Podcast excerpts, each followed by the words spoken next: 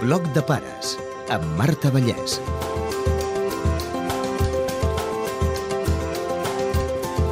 Avui parlem de la importància de jugar per créixer. Ho fem amb l'Imma Marín, mestra, educadora i especialista en l'educació i la comunicació a través del joc.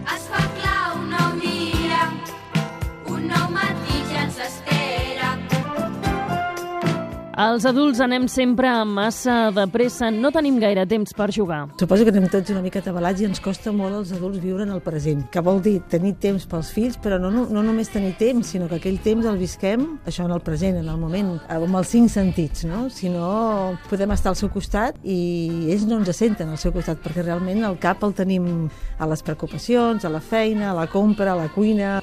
Per què és tan important jugar? El joc és una capacitat de l'ésser humà que ens acompanya al llarg de tota la vida. Ens dona la capacitat, d'una banda, de disfrutar la vida que tenim, de viure la vida amb sentit de llibertat i de disfrutar dels moments presents d'aquelles petites coses que, sense que ens transformi la vida, tenen la màgia de donar-nos un somriure, de canviar-nos l'expressió, de fer que les, les mateixes coses que estem vivint les visquem d'una altra manera. Tot el que juguem amb ells de petits és una inversió de futur per la nostra relació quan es van fent grans. Les coses no s'improvisen, no? I les relacions pares i fills comencen a, la panxa de la mare, diguem-ne, però bueno, en el moment que neix la criatura, tot el contacte, les converses, el, el, el que li dius, com el mires, com el toques, tot això va creant vincle, no? Quina és la primera relació que mantenim pares i fills? Pues les necessitats primàries, canviar-los, rentar-los, donar-los de menjar, tot això ho podem fer mecànicament i ja estarien complerts, el nen menjaria, el nen dormiria, però si normalment el- els pares com ho fem? Ho fem jugant. I tot comença quan són molt, molt petits. Estàs canviant la criatura, li estàs fent una pedorreta, li estàs fent una pessigoleta al cul, li estàs cantant una coseta, li estàs fent cinco lobitos o mans moixaines. Tots els jocs primers de falda, la rigaritat tanet, gateta moixoia, gateta paperoia, tots aquests jocs que recordem són jocs en què ens toquem, o el tenim a la falda, o el tenim agafats per les mans, ens mirem als ulls i diem coses. Això crea complicitat i vincles afectius que perduren al llarg de tota la vida. Ja fa temps que els meus somnis em duen cavalcant les marees a lloms d'un vaixell. I què passa, Imma, quan juguem amb ells? La major part de les coses els nens les aprenen per curiositat. M'interessen les coses les pregunto, les miro, les toco, les obro, les espatllo per veure com funcionen per dintre. A tots aquests aprenentatges que el nen fa jugant, fins i tot que jugués sol, quan els adults estem presents, passen dues coses molt importants. Una, el sentiment d'aquella criatura que som importants per ell perquè ens l'estem mirant i estem disfrutant d'allò que està fent o que està aprenent o que està descobrint. No? La segona és que, com que estem a prop i estem veient allò que està passant, estem verbalitzant, posant nom. Ostres, això que has fet, que maco. Mira aquest, oh, aquest dibuix, que bé que t'has... I aquí què hi ha? I aquí què hi ha? Totes aquelles expressions amb les que nosaltres acompanyem el joc i les descobertes dels nostres fills fan que tot evolucioni molt més ràpid. És a dir, multipliquem els aprenentatges si som presents. No? Per això diem que arribant un per una aquesta part afectiva i l'altra pel propi aprenentatge que es dona. No? I ens hem de posar a jugar amb ganes de veritat. És important que els adults, quan juguem amb els nostres fills, trobem la nostra manera de jugar. No tots els adults ens agrada el mateix, ni ens sentim còmodes com el mateix. Hi ha pares i mares que tirar-se per terra a fer el gat o el gos els hi surt de l'ànima i no tenen cap problema i en canvi d'altres es troben ridículs i no saben com fer-ho. I en canvi, amb un joc per mig, amb unes cartes, amb una tablet, doncs se senten més còmodes. Es tracta de que, de que ho disfrutem aquella estona. Allò. Si quan juguem amb els fills sempre és un esforç perquè ens diuen que ho hem de fer perquè jo es vols pels nostres fills, no ho farem gaire sovint, perquè ja fem moltes coses per obligació. Trobar cada un la seva manera de jugar és la manera en què els nostres fills disfrutaran més amb nosaltres. No? Però jugant no és només sinònim de riure, també ens enfadem, però ja està bé.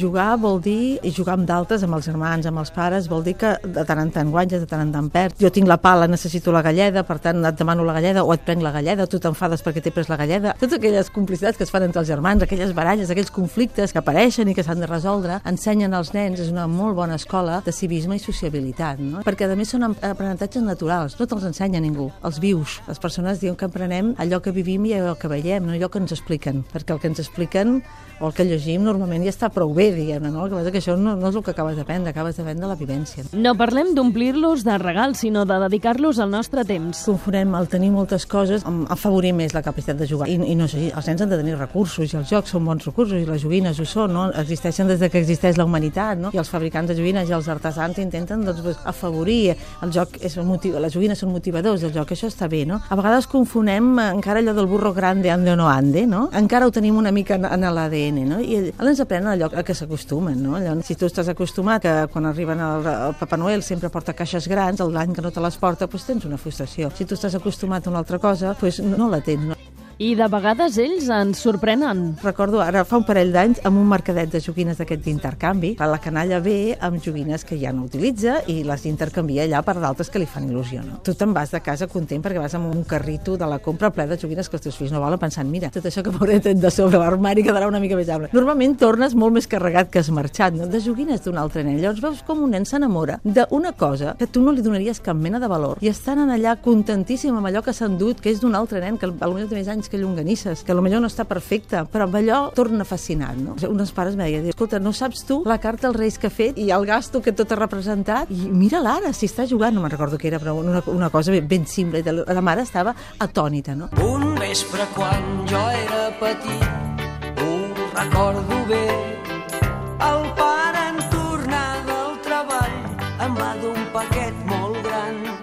Als jocs de carrer o de taula ara s'hi han afegit també les noves tecnologies. Des de que el món és món han incorporat en, en les joguines els valors de la societat imperant i la tecnologia pròpia d'aquella societat. Des de les primeres nines, que era una pedra embolcallades amb un trosset de pell, a les nines actuals amb xits que obren els ulls, els tanquen. La tecnologia ha canviat moltíssim, no? però això és el que ha fet tota la societat. La nostra no només ha aportat allò que ha creat la tecnologia pròpia de la, de la nostra societat, sinó que a més a més s'ha inventat una nova manera de jugar, que és a través de, de d'internet, que és a través d'una tecnologia que fins ara no existia. No? Això, com tot, a la vida, doncs, té, té, no hi ha res que tot sigui bon, i tot, que tot, tot, tot s'ha de saber utilitzar i posar-li sentit comú i una miqueta de seny i de rauxa. No?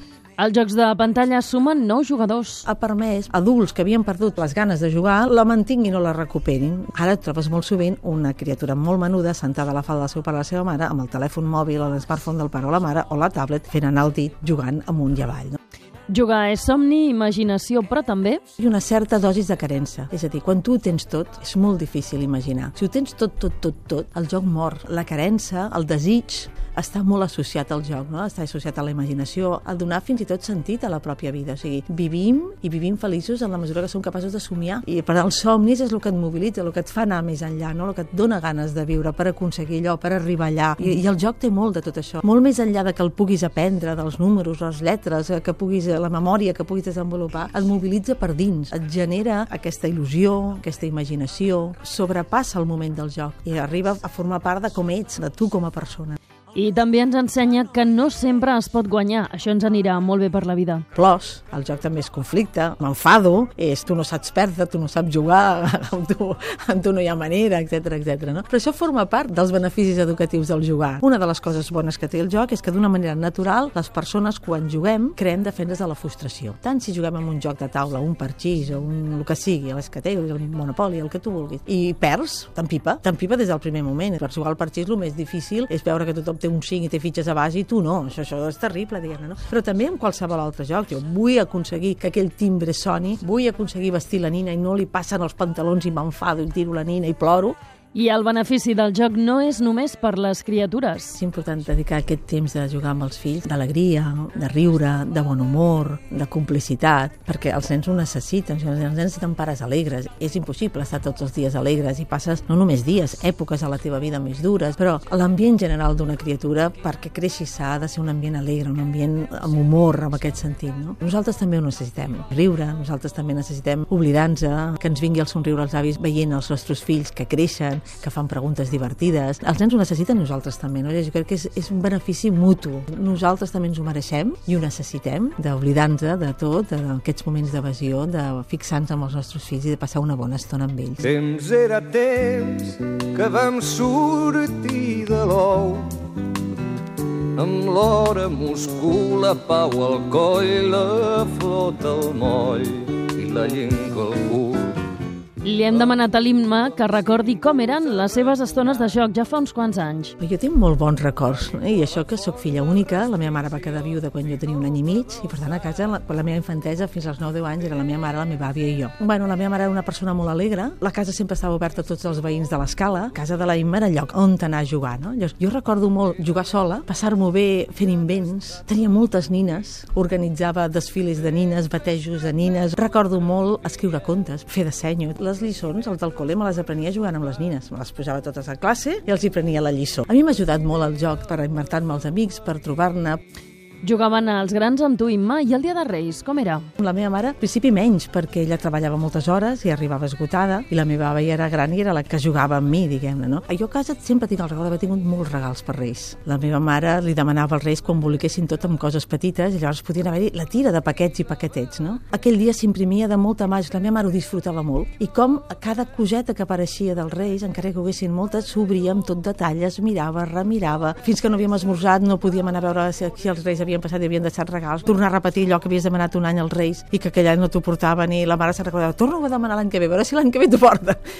Eren temps de menys recursos, però la imaginació no té límits. Tinc molt el record, per exemple, dels Juegos Reunidos Escaper de la meva generació. La ruleta, per mi, va ser un volant. Jo em vaig fer un cotxe entre el llit i la màquina de cosir de la meva mare, allà hi havia un foradet allà em col·locava, i bueno, aquella ruleta per mi era la cosa més magnífica per fer, era el meu volant, no? Llavors, aquelles coses que feies quan sabies que la mare no et deixava, per exemple, m'encantava fer pintures per la cara. Jo agafava polvos de talc i posava mina de colors o de rotuladors, les tenyia, les deixava evaporar amb caixetes a sota del llit, fins que passava la mare i passava la mopa alga i començaven allà a sortir coses. Però això què fa, Imma? I tots els polvos al colorete que em fabricava jo. O amb la meva àvia, per exemple, els geranis, que s'enfadava la àvia, i això ho feien moltes les nenes de llavors. Agafàvem la, els pètals dels geranis i ens pintàvem les ungles amb els pètals. Posàvem una mica de saliva, les posàvem als dits i ens quedàvem unes ungles vermelles, fantàstiques. No? I l'àvia, clar, quan veia els pobres geranis sense fulles, no vegis. No?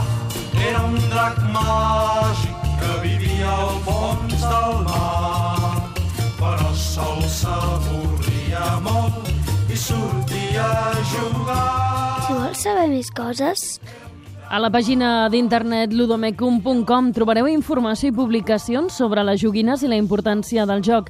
També a les pàgines de Crecer Jugando, Joguina Segura i Guia del Juguete de l'Institut Tecnològic de la Joguina. I llibres com ara El placer de jugar de la Imma Marín, Sílvia Penoni i Maite Martínez o Juguem junts del doctor Eduard Estivill i Montserrat Domènech. També en lloc com a casa que parla de jocs de la Fundació Pere Tarrés editat per Ara Llibres, i Jocs en Família, de Mireia Zabala, publicat per Graó. Totes aquelles complicitats, aquelles coses viscudes, aquells records d'infantesa, ens acompanyen sempre, no? És una de les coses més boniques que podem regalar als fills, bons records d'infantesa. La missió dels pares, com la dels educadors, és anar posant pedres, petites frustracions en el camí dels nostres fills perquè ens ho peguin i perquè es facin una mica de blaus a les cames. Estar nosaltres ben a prop per poder acompanyar, acompanyar, acollir, eh, consolar, tot el que tu vulguis, al final sana sanita, cura curita, el que tu vulguis, no? Però si no hi ha pedres pel camí, és molt difícil créixer. S'avorria molt i sortia